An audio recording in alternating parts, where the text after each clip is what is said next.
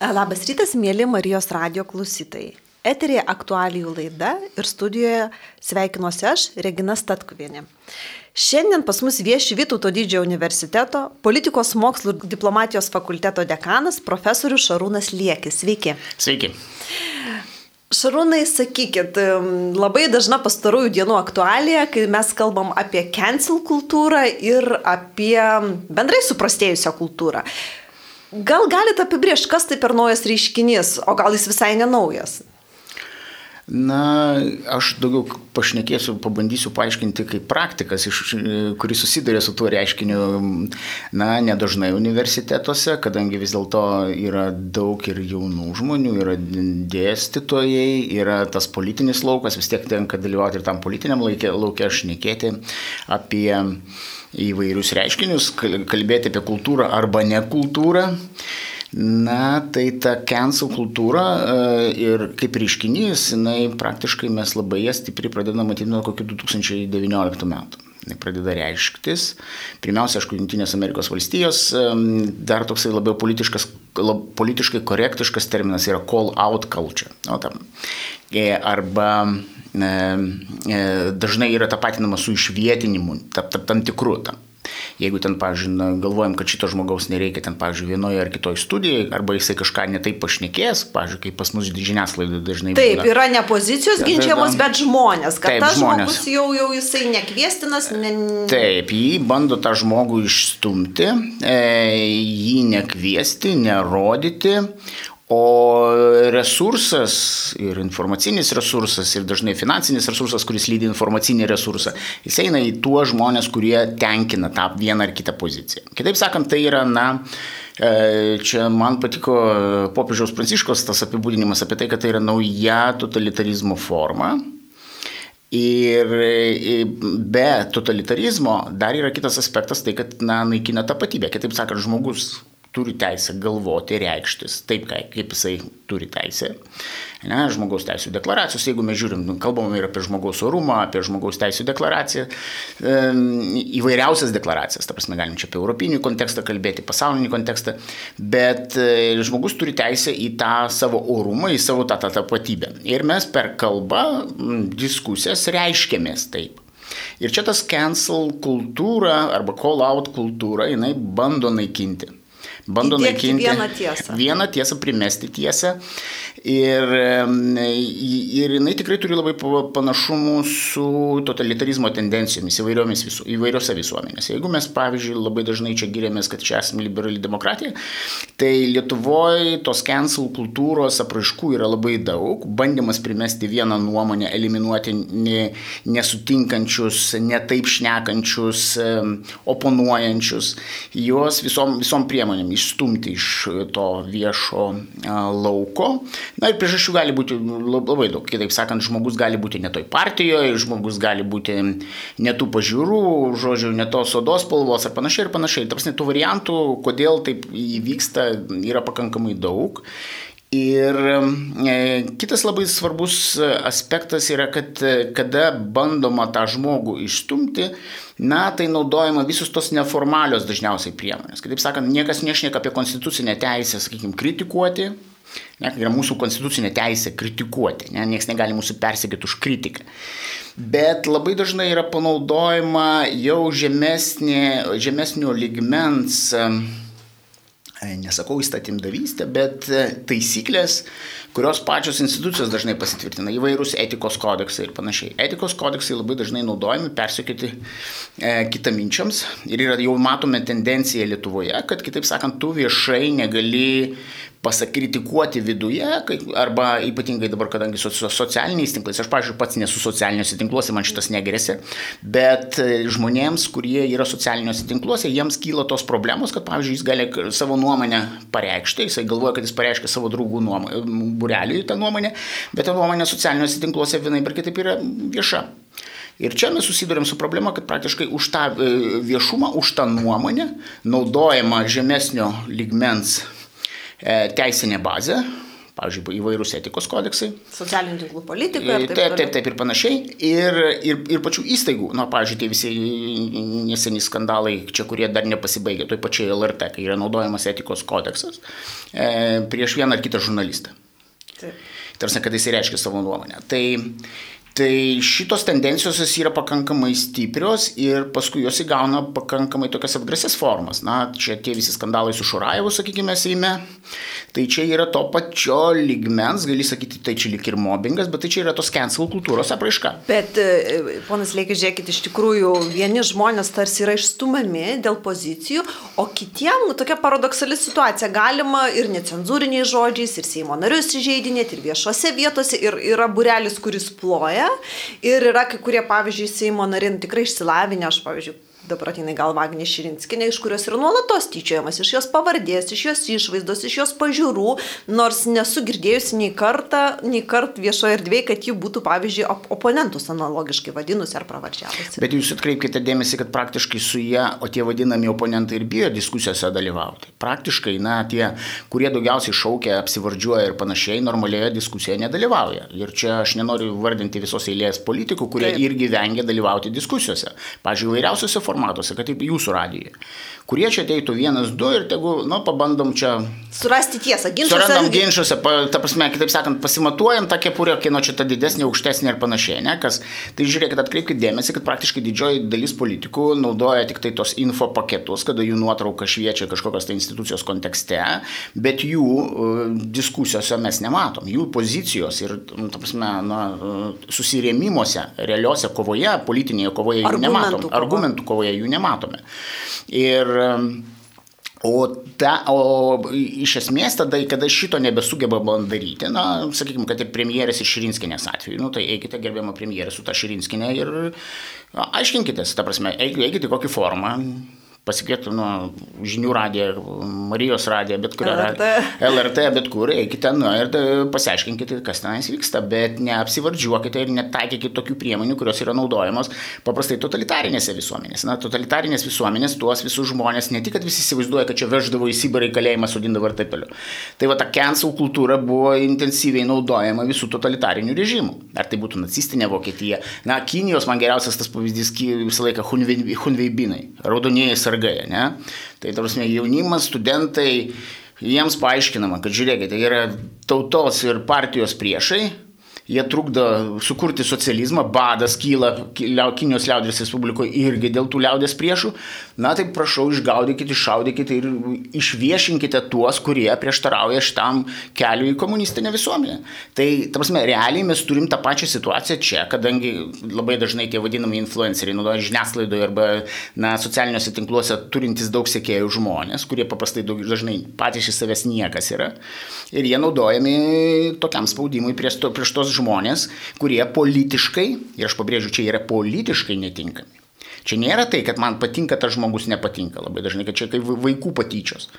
Tai čia nėra vien vaikų patyčios. Vaikų patyčių tas, tas vadinamas ir internetinis mobbingas, kai vienas kitas. Tai paprastai, jeigu yra gyvenime tos patyčios, tai paskui jos persikelia tai inter, tai. internetinė erdvė. Ir čia yra statistinė koreliacija. Kitaip sakant, tos, kurios mobina iš jų tyčiajamasi vaikai, paaugliai, e, realiame, realiu, realiuose klasėse jos ten stumdo, žaidinėja ir panašiai, tada persikelia visas šitas ir, ir, ir internetinė erdvė. Kitaip sakant, naudojama ten socialiniai vėl tinklai, tas pats kokie tik toko vaizdeliai ten siuntinėja mokyklose pas save ir panašiai ir panašiai. Tai, tai, tai reikia turėti omeny, nes čia mes, o kada kalbame tą cancel kultūrą, jinai labiausiai neraminanti, aišku, yra ne, nu, paauglių, aišku, arba vaikų tarpe čia yra problemas, nu, kitaip ta, uždedamos tam tikras E, na, standartas, na, prasme, į, į, įpročiai tam tikri socialiniai, tokio elgesio. Tam tikro bendravimo. Tam tikro bendravimo, bet e, problema yra politinis laukas, kur pra, praktiškai tai yra naudojama susidoroti su politiniais oponentais. Jeigu tu esi pozicijoje, jeigu tu turi resursą, pavyzdžiui, jeigu tu turi tenais nu, viešai transliuotoją, kuris yra realiai, na, e, atspindi vienos valdančiosios grupės sakykime, politikų poziciją, nuomonę, arba vykdo vienus ar kitus, sakykime, na, tokius ideologinius užsakomuosius e, projektus, Tai ir tai yra panaudojama politinių oponentų sudorojimui, ta prasme, iš jų tyčiajimuisi, jų reputacijos menkinimui. Na, tada gaunasi taip, kad, na, ta pati žiniasklaida, kuri tai daro, ir aš, pavyzdžiui, net atkreipiau dėmesį, kad to labai daug, sakykime, rinkimų dieną. Rinkimų dieną, kada ir paskui aptarimą rinkimų, tarpsne, atviros patyčios praktiškai per visus kanalus. Ir netgi tokie terminai vartojami, sakyčiau, gana totalitariniai, išsivalėme, apsivalykime, Tai, nu, aš... Ne, nu, dabar žiūrėkit, ta prasme, aš dabar atkreipiu dėmesį, pavyzdžiui, dabar va, tos visos diskusijos dėl Lenkų rinkimos akcijos ir, sakykime, Vilniaus rajono. Na ir vedantieji atvirų tekstų aiškina, kad reikia, na, pakeisti gyventojų sudėti Vilniaus rajone ir tada bus su tais rinkimais viskas tvarkoja. Tai čia toks tautinis atsirado. Tai man ne tik nes... tautinis, man tai čia kvepia genocido konvencijomis, kada, ta prasme, polit genocidas ne vien, kad prie dobės atvarė sušaudė, bet, ta prasme, kada tu bandai išgyvendinti vienas ar kitas mažumas, vienai, nu, naudodamas demografinę politiką, sakykim, spaudimą, ekonominės priemonės ir taip toliau, labai daugybė tų dalykų patenka po tą genocido apibrėžimų. Ir čia mes nuo antro pasaulinio karo tuos dalykus turime, bet žmonės šito net nejaučia, kada jie šneka tie patys žurnalistai, kokią jie leksiką, kokią retoriką vartoja ir ta patyčių, va, toksai atviras patyba. Atviras... Na, arba tas sociologinių e, apklausų manipulacijos mažesnio išsilavinimo, provincijos gyventojai, suprask, jie yra va, tokie netinkamai balsuoja, tai te, o jau tie jau... Tie, kurie teisingi, tai jie žiūrėkit aukštesnio išsilavinimo ir panašiai. Prasme, aišku, čia politikų irgi neįsilavinimo ženklas, tie, kurie oponuoja, to, sakykime, daugumai, ne? tai nes jų vietą aš išsakyčiau, ta prasme, tie, kurie balsuoja už vieną ar kitą politinę jėgą yra socialiai nejautrus. Ne? Kad ir už valdančiuos, sakykim, kaip Vilnius. Kodėl ne, Vilnius taip... ne, net generuojantis e, pridėtinės vertės. Vertės, gyvenantis... rentininkai, rent, rentos ekonomikos atstovai, kitaip sakant, tie, kurie turi naudos iš, iš monopolių valstybinių, tarsi iš valstybinių monopolių. Arba iš projektų. Supermarketų, iš projektų ir taip toliau. Tai vadžiu, žodžiu, jie yra socialiniai jautrus ir taip, tai galima tą argumentą puikiausiai būtų apversti. Čia tik tai mūsų politikų visų neįsilavinimo klausimas, kad jie nesugeba tos retorikos perimti ir jos panaudoti. Nes jie priima tą poziciją, na, stipresni, aukštesni gražesni negu kad mes ir ta prasme žiūrėkit, mūsų elektoratas yra kitoks ir mane stebina, kad, pavyzdžiui, net sosdemai tokią, na, retoriką turi, kurie turėtų būti lyg ir, na, socialiai jautrus. Socialiai jautrus, bet jie, ta prasme, priima taip, kad jie lyg kažkokią tai, nu, nežinau, tenais kaimo būdulius atstovaujantis, bet jie nėra, ne, ta prasme, jie neatstovauja kaimo būdulių, kaip ir kitos partijos. Kita vertus, kaimo būduliai turi teisę irgi būti atstovaujami. Tai aišku, kiekviena interesų grupė, piliečių grupė turi teisę būti atstovaujama, girdima ir sakoma. Ponas Lieki pradėjom nuo kalbos vis dėlto, kad tas e, laisvės ribojimas ir demokratijai netgi grėsmės prasideda nuo kalbos. Ir užsiminėte apie Kinijos pavyzdį, kai hunveibinai jaunieji komjaunuoliai, sakykime, atlikdavo tą darbą, žodžiu, ieškodavo priešų ir, ir draugų. Sovietmečių vyresnė karta tikrai pamena, kai buvo ribojama kalba, pavyzdžiui, krypiniai ponas ir ponia. Buvo paversti draugas ir draugė, tavariš ir, ir, ir, ir, ir tai buvo netoleruotina galbūt ne visi Marijos radio klausytojai pastebėjo, bet prieš metus berots Vilniaus universitetas patvirtino, ką jūs minėjot, ne įstatymas, bet vidinė tvarka, rekomend, kalbos gairės ir, žodžiu, kryptis žmoga. Naujadaras lietuvių kalboje bendrinės giminės žodžių nėra, išskyrus keletą, kurie yra visi negatyvus. Akiplėša, valkata, naktybalda, elgeta, kutvėla. Dabar yra sukūriamas žmoga ir tai yra rekomendacija taip kalbėti. Lygiai taip pat kaip studentai šiemet, žinau, kai kurių fakultetų gavo užklausas, kaip jūs kreiptis. Jis, ji, kadangi lietuviai neturi tos bevardės, tai jie jos daugis. Kita žodžiu, Ir, ir tai yra argumentuojama, kad nu va čia neapykanta, neva skatinama kažkokia, nežinau, ponas ponė.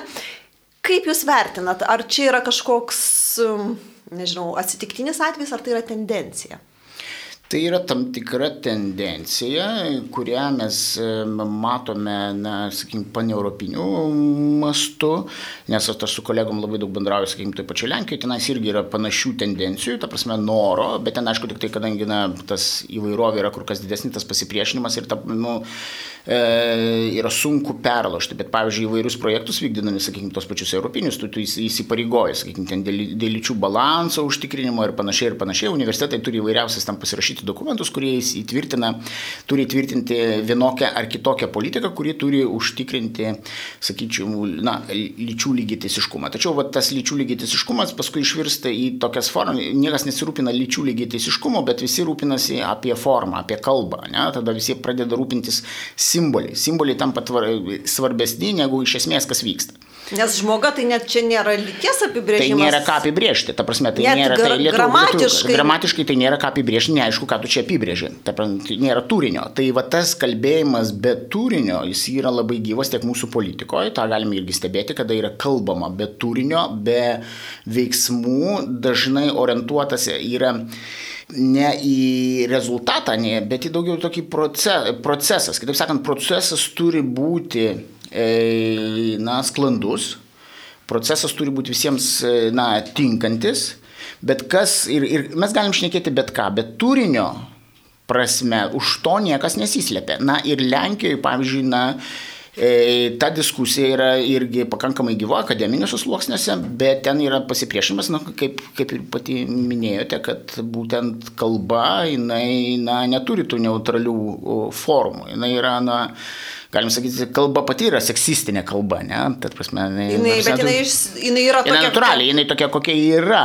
Kitaip sakant, tai yra bandymas, na, toksai žmog, žodžiu, žmogų tą išvaduoti iš savo esmės, na, ta prasme, žmogų išvaduoti iš žmogaus, ne? Tai, ta prasme, jį peržengti tas ribas, kurį jam yra, na, tam tikros ribos duotos žmogui, na, tiesiog gamtos duotos, nu, gamtos dievo, čia priklausoma, kaip mes čia interpretuosim, bet um, žmogui yra duotos tam tikros ribos ir čia bandoma žengti už tų ribų. Ir kitaip sakant, čia na, neoliberalizmo ideologijos rėmose, akivaizdu, kad ir manoma, kad vis dėlto E, liberalizmas vietoj to, kad ten kovotų už teisingumą, ne, sakykime, dabar pradėjo, na, pradėjo patį žmogų žmogaus vaduoti. Tai čia va, tos tendencijos, kada mūsų išvaduos ir pavadins, nu, elfų. Nu, kodėl ne žmoga, tada elfas. Arba, elfė, arba tiesiog elfų. barkodas, nes, ar barkodas, tu, nu, nes nu, nelieka lyties, nelieka amžiaus, nelieka tautybės, nelieka socialinio statuso ir, ir, ir panašiai. Taip, pažiūrėjau, kodėl ne elfas, elfė, o kuris ne elfo arba elfa. Elfa? Nu, tai, Nes tai, ponas Lėkė, aš prisimenu universitete, kai studijavau aš ir turbūt jūs, Tai ta kalba buvo tikrai labai skirtinga, bet ją reguliavo etiketas. Vienai mes kalbėdavom su dėstytojais ir jie su mumis kitaip tarpusavėje studentai. Čia buvo pagarbo, pagarbos klausimas. Taip, pagarbos. Čia pagarbos e, ir tam tikros hierarchijos. Ir hierarchijos. Iš, iš. Dabar, kada yra tendencija sakyti, kad, na, kompetencija nesvarbu, hierarchijos irgi nesvarbu, kiekvienas su, su gerom intencijom gali tenais pakeisti pasaulį, kitaip sakant, toks, na, e, cigarečių pardavėjo kioske, na, mentalitetas dėgiamas visai visuomeniai, kad kompetencijos nesvarbu, svarbu, kiek tu čia įsiūlai tų cigarečių pakelių visiems. Ne? Jeigu tu daug jų įsiūlai, tai tu esi vat, e, puikus politikas, pavyzdžiui. Ne? Tai, tai bet um, už to ne, na, mes nematome, kas, um, kitaip sakant, mes greuname, ne tik tas hierarchijas greuname, bet mes greuname uh, na, kokybišką gyvenimą tuo pačiu, nes jeigu kokybės standartų nėra tiem, kurie turi viešą gėrį tvarkyti, tai ta prasme, tai apie kokį mes čia galime, kokį tada ir matom, kad keliai išdaužyti, ratus galite pamesti visi, sienos išpašytos visas Vilniaus mieste, gatvės susaurintos ten, kurios turėtų būti praplatintos ir taip toliau, ir taip toliau, kadangi elementarių kompetencijų nėra. Tai, tai kada, nėra, vat, kom, kada kompetencijos su žmogum, su jo padėtim nėra siejamos ir tai neįvardinama kalboje, nu, mes turime problemą, nes kalba kalboje mes įvardinam ten tą pagarbos reiškimas, nu, tai tam tikros yra na, kompetencijos, statuso, žmogaus pasiekimų įvertinimas. Ir statusasgi neatsiranda demokratinė visuomenė. Šiaip savo žmogus, reiškia, mokėsi. Taip, nuveikė. dirbo, pasiekė, ten rašė, na, tapo ten kokios ten penktos kategorijos šaltkalvių, ta prasme daug, ta prasme daug išmoko ir, ir panašiai pačiai. Aš nebūtinai čia kalbu, kad ten, sakykime, ten apie tą pon, ponus profesorius, čia kaip dažnai čia pas mus. Bet e, žmogus savo profesijoje, ar jisai, ar jisai mūrininkas, ar jisai uh, ūkininkas, jisai jisai pasiekė tam tikrų aukštumų ir jisai nusipelno kompetencijos savo įvertinimų iš aplinkinių, ta prasme ir pagarbos nusipelno. Kada yra visą tai devalvuojama, kada sakoma, kad bet kas, bet ką gali daryti, ir ką mes matom, sakykime, kad ir su šita vyriausybė, bet kas ir bet kaip, tai tada mes turime, na, matom tai, ką matom. Ir ta, ta prasme, tai žmonės tai juk mato, kad gyvenimas nuo to į gerą nesikeičia. Ta prasme, tu gali vadinti ten žmogą, gali, gali vadinti e, paauglį, paauglį, paauglį, kokį nors paauglio mentaliteto žmogų ministru, bet tai nu, nuo to niekas nesikeičia. Realybė objektyviai nesikeičia. Manas Lieki, minėjot, kad tas labai suintensyvėjo 2019 ir turbūt visi pastebėjo, kad ta cezūra turbūt ir buvo pandemija.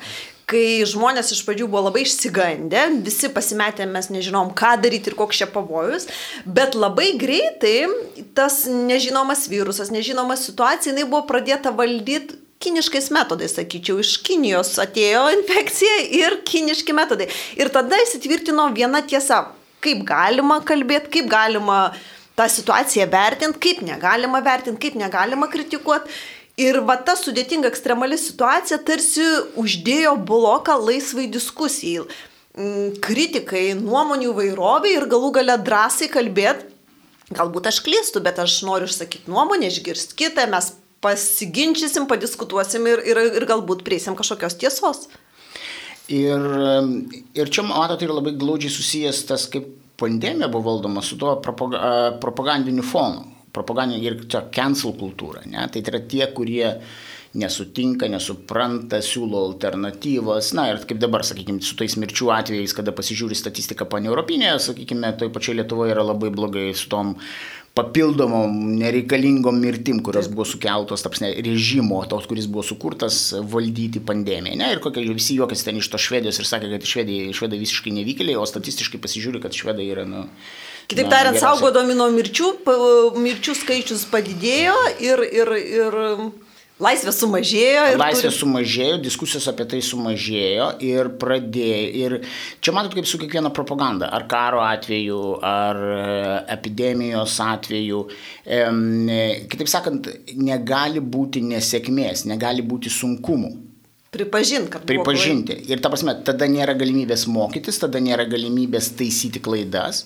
Arba jeigu tu sakai, žiūrėkit, mums tai puikiai sekasi, o jūs sakot, kad čia yra kažkas tai blogai. Žodžiu, lovų trūksta, lovų netrūksta. Kitaip sakant, tada mes pradedam, na, glaistyti tą realybę, dangstyti tikrovę ir sakyti, žiūrėkit, nors sakot, visiškai, nepa, nu, sakykime, ten, aš hipotetinė situacija, ligoniniai ten nėra lovų, sakykime, intensyvios terapijos, ten turėtų būti 110 jų, sakykime, yra 25 ir sakom, kad čia suvaldėm situaciją, o pas mane ten koridoriuose guli ligoniai, aš jeigu kaip direktorius, sakykime, ateinu ligoninėse, ne? Ir man sako, tai palaukit, viskas suvaldyta, o jūs sakot, kad čia, kad pas jūs kažkas tai blogai? Tai klausykite, kas su jumis yra blogai? Tai visi tada apsimetinėja, kad yra viskas gerai. Ir čia bet kuriais atvejais, ar karo atveju, Ukrainoje ta, ta pati situacija yra, ta propagandinis fonas, yra dabar va, viso, visa eilė istorijų, kur, e, ta prasme, karinių dalinių vadai atsistatydina, todėl kad jie pareiškia kažkokią kritiką ir jos nuima nuo tų pozicijų, ta prasme, šalina iš tų pozicijų arba jie patys atsistatydina, kadangi iš jų reikalauja tik tai sėkmės.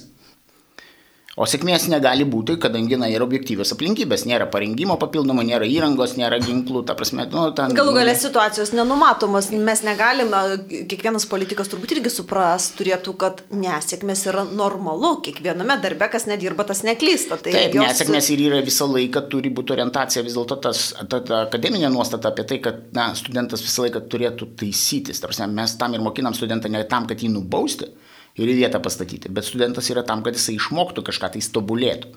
Tai kitaip sakant, jeigu mes matom galimybę, kad, sakykime, sekančiam semestrė, kad ir čia blogai darė, ne, neišmoko, nepasiruošė, ne, neteisingai parašė, klaidas padarė, neteisingai ten, sakykime, išnašą sudėliojo. Tai kad sekant parodai ir sekant, tarsi, sudarai galimybę jam keistis, tarsi, tobulėti. Tas pats ir įvairiausiose priežiūros institucijose, ar tai būtų kokios, nežinau, nu, ten vyriausia rinkimų komisija ir visą kitą, jinai turėtų visi ir politikų atžvilgių, ir na, tos kuriuojamos srities atžvilgių visi turi žiūrėti ne kaip į nubaudimą svarbiausias tikslas, o bet svarbiausias tikslas keisti. Prasme, kad paskui nebūtų blogesnių pasiekmių. Tai bet kada mes turime išrimtinai propagandinį foną, mes nesugebam keistis. Mes nesugebam. Propagandos fone mes nesugebam keistis, kadangi propaganda neleidžia keitimus. Kitaip propaganda deklaruoja, kad yra viskas gerai. Bet Ponas Lėgė, kodėl susidarė tokia paradoksali situacija? Viena vertus kalbam apie demokrati... liberalios demokratijos vertybės, kur yra tolerancija, atvirumas, žodžio laisvė. Kita vertus mes atsidūrėm tokioje situacijoje, nu istorikai tikrai išvelgia jau gana grėsmingas apraiškas, kai tam tikros nuomonės, vis dėlto, kaip pasakyti, visos nuomonės lygios, bet kai kurios lygesnės. Visi turi teisę, bet kai kurie daugiau. Kaip, kas, kaip, kas lemia tą paradoksą tokį?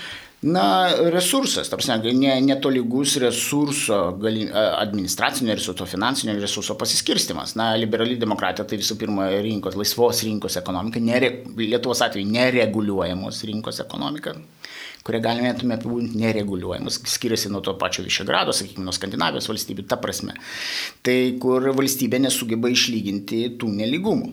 Tarsi jinai nesugeba, ta prasme, amortizuoti socialinės ir panašiai neligybės. Ir tada mes gauname, kad, e, na, kodėl pas mus tokios kraštutinės formos. Todėl, kad yra, na, kraštutinė, nereguliuojamai turto ir resursų ir galimybių pasiskirstimas. Yra, taisyklės yra sukurtos tam, kad, na, sakykime, tos pačios privačios mokyklos jos gauna valstybės resursą, o valstybinės mokyklos gauna tik tai valstybinį resursą, o tenais dar ir privatų resursą pritraukia dėl, dėl visos eilės priežasčių. Ir mes jau automatiškai kūrėm, na, neligybę. Nuo pat pirmų. Nuo pat pirmų, tas, sakykime, darž, darželių klausimas, darželio nebuvimas, sakykime, infrastruktūros nugyvenimas, kokybės, kokybė prasta dėl to, bet čia dėl planingos politikos. Ta prasme, sako, jeigu norite, tai leiskite į privatų, turėsit geriau, ne? Tai... Bet mes dar privatų dar papildomai pafinansuosime. Taip, ir mes, dar, ir mes vis tiek iš biudžeto finansuojam, sudarom galimybės iš biudžeto finansuoti tą privatų paslaugų sektorių, su, sukūrėme dirbtinai deficitą, mes sukūrėm de, viešų paslaugų deficitą. Taip kaip valstybė dabar yra valdoma, jinai yra dirbtinai sukuria viešų paslaugų deficitą.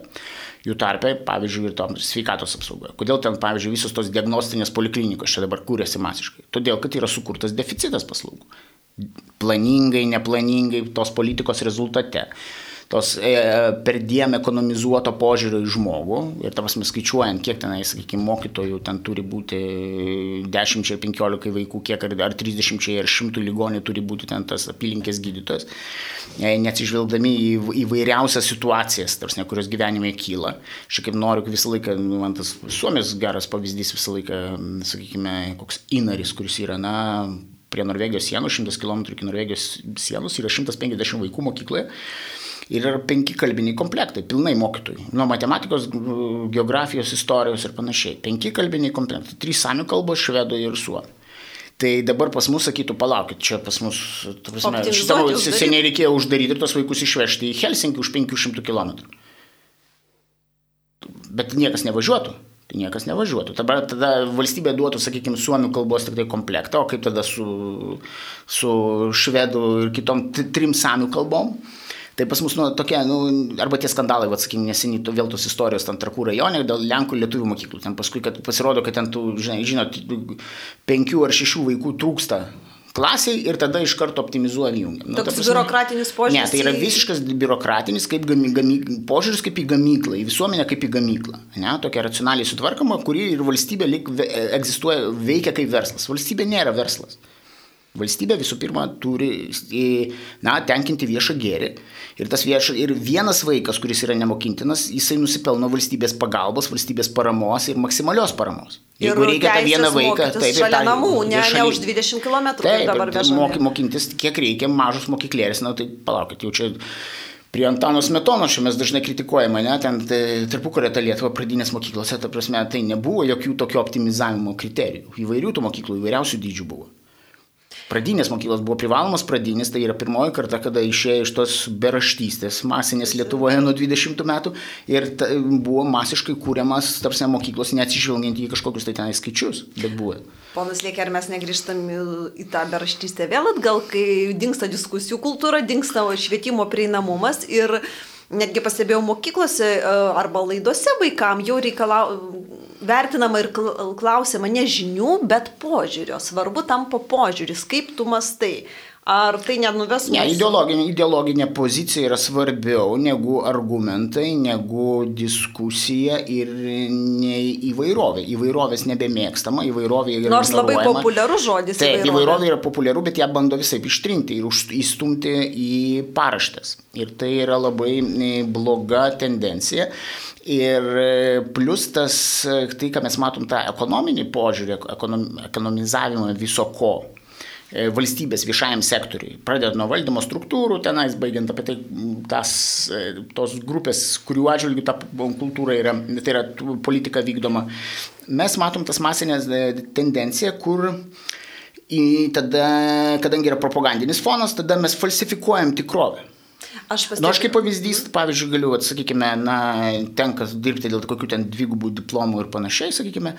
Tai pas mus, jeigu atkreipsite dėmesį pas studentus, e, kreditai, vadinami kreditas, pavyzdžiui, tenais šešių kreditų kursas. Tai koks procentas yra savarankiško darbo? kuris yra visiškai realiai neapskaitomas. Ir jis ir už jį nėra apmokama nei dėstytojai, o studentai realiai tuo laiku dažnai, nu, kai kuriuo atveju būna, kad išreikalauja dėstytojai, kad jie realiai skaitytų ir dirbtų, jie nieko nedaro. Tai pavyzdžiui, jeigu pasižiūrėsite, kad kokioje Lenkijoje, na, nu, aš kaip pavyzdį Lenkija čia mūsų kaimynai, tai Lenkijoje tokio savarankiško darbo praktiškai nėra. Bet tai reiškia, kad e, studentas mokinasi ne, šešis, ne šešių kreditų kursą, bet dvylikos kreditų kursą realiai. Ir tai yra, ta prasme, ir realiai yra 3-4 dėstytojai vietoj mūsų vieno. Tai nereiškia, kad dirbtinai reikia, bet žmogus tiesiog mokinasi. Studentai eina į paskaitas toj pačioj Lenkijoje nuo 8 ryto iki 7 vakaro. Kiekvieną dieną. Dabar pas mus yra, ta prasme, kadangi yra kontaktinės valandos tik tai dengia švietimo ministerija, mokslo praktiškai nefinansuoja, tada mes turime situaciją, kada mes vėl imituojam, kad mūsų tas kreditas yra tolygus kitų kreditų. Ir ponas Lieki sužinau tokią naujieną, vėlgi nesidomi taip giliai švietimu, bet kad studentai turi teisę vertinti dėstytoją.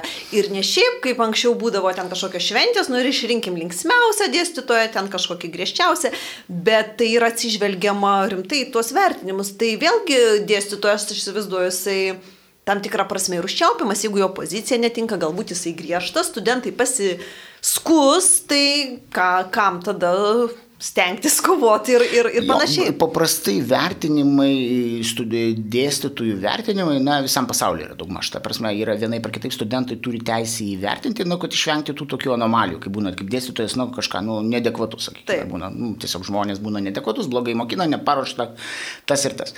Bet paprastai tai, kad tai neįtakoja realios padėties. Ne, ne, dėstytoje vertina iš tikrųjų ne studentas, o jo kolegos. Kitaip sakant, jeigu tada studentai vertina vertins dėstytojus, tai tegu studentai savo ir diplomus dalinasi. Nes dėstytojų netampama šiaip iš gatvės. Tai Taip, žmogus prasme, tai čia yra daugiau, yra toksai papildomas aspektas vertinimo, kitaip sakant, kaip į tave tas, na, paslaugos gavėjas reaguoja. Bet kad iš esmės jisai, na, koksai, kaip pavyzdys, koksai, nu, Hegelis buvo baisus dėstytojas. Tai dabar, prasme, pagal mūsų dienų logiką, jeigu, sakykime, svarbiausias faktorius būtų studento vertinimas, tai Hegelis seniai būtų iš darbo išmetę, ne? tai jis, ta prasme, būtų niekam. Tai, bet Hegelis yra Hegelis, mes žinom jo svarbą, sakykime, e, filosofiniai minčiai, sakykime, XIX amžiaus ir apskritai ideologijų raidai ir panašiai. Ir panašiai, ir čia niekas nebejoja jo, jo svarba, bet jeigu vadovautis tais kriterijais kaip pas mus, Arba tas pats galima kitas duoti pavyzdį, kad jeigu vadovautis mokslo kriterijais, kurie yra dabar, kas yra mokslas, kas ne mokslas, tai koks Einšteinas tikrai relativumo teorijos nebūtų sukūręs, nebūtų sakęs, na, nu, žinot, projektas yra per tris mėnesius, tu čia turi relativumo teoriją sukurti. Aišku, kad nesukurtų per tris mėnesius, nes tokie dalykai iš karto neatsiranda nei per tris, nei per penkis mėnesius. Tai ta visa logika, mechanistinė logika ir bandymas elgtis kaip na, privačioje paslaugų įmonėje, tai tam sektoriu, kuris yra orientuotas į viešą gėrį, į bendrų problemų sprendimą, na, jis yra save naikinantis, greunantis ir e, visuomenė seklėja. Ir jinai, kitaip sakant, čia kaip jau minėjom, pranciškų popiežių, tai kitaip sakant, įvairovę naikinantis totalitarizmas, kuris bando mus, jis Kitaip sakant, e, visuomenę vulgarizuoti, leisti ją į, į žemesnius standartus, nei kad jinai buvo iki šiol. Tarsi mes kalbam dažnai, kad mes čia progreso keliu einame. Žmonės įsivaizduoja iš tikrųjų, kad praeitie, va ten viduramžiai ar prieš blogiau, 20 metų tai, buvo, kvaili, o mes jau protingi. Mes, bet iš tikrųjų mes daugybę dalykų, kurie buvo savaime suprantami praeitie ir ta prasme, tam tikros ir elgesio normos, ir čia mes kalbėjome apie tos keiksmus, seimus ir panašiai. Ir išsilavinimo. Ir išsilavinimo dalykus. Tai dabar mes matom, kad daugybė dalykų yra vulgarizuojami ir, aš sakyčiau, kai kuriais aspektais sudėtingumas visuomenės na, yra eliminuojamas, jis yra, tarsi, visuomenė vulgarizuojama, grinaja tą žodžio prasme, o kai yra sistema, jinai yra mažiau sudėtinga, mažiau įvairi,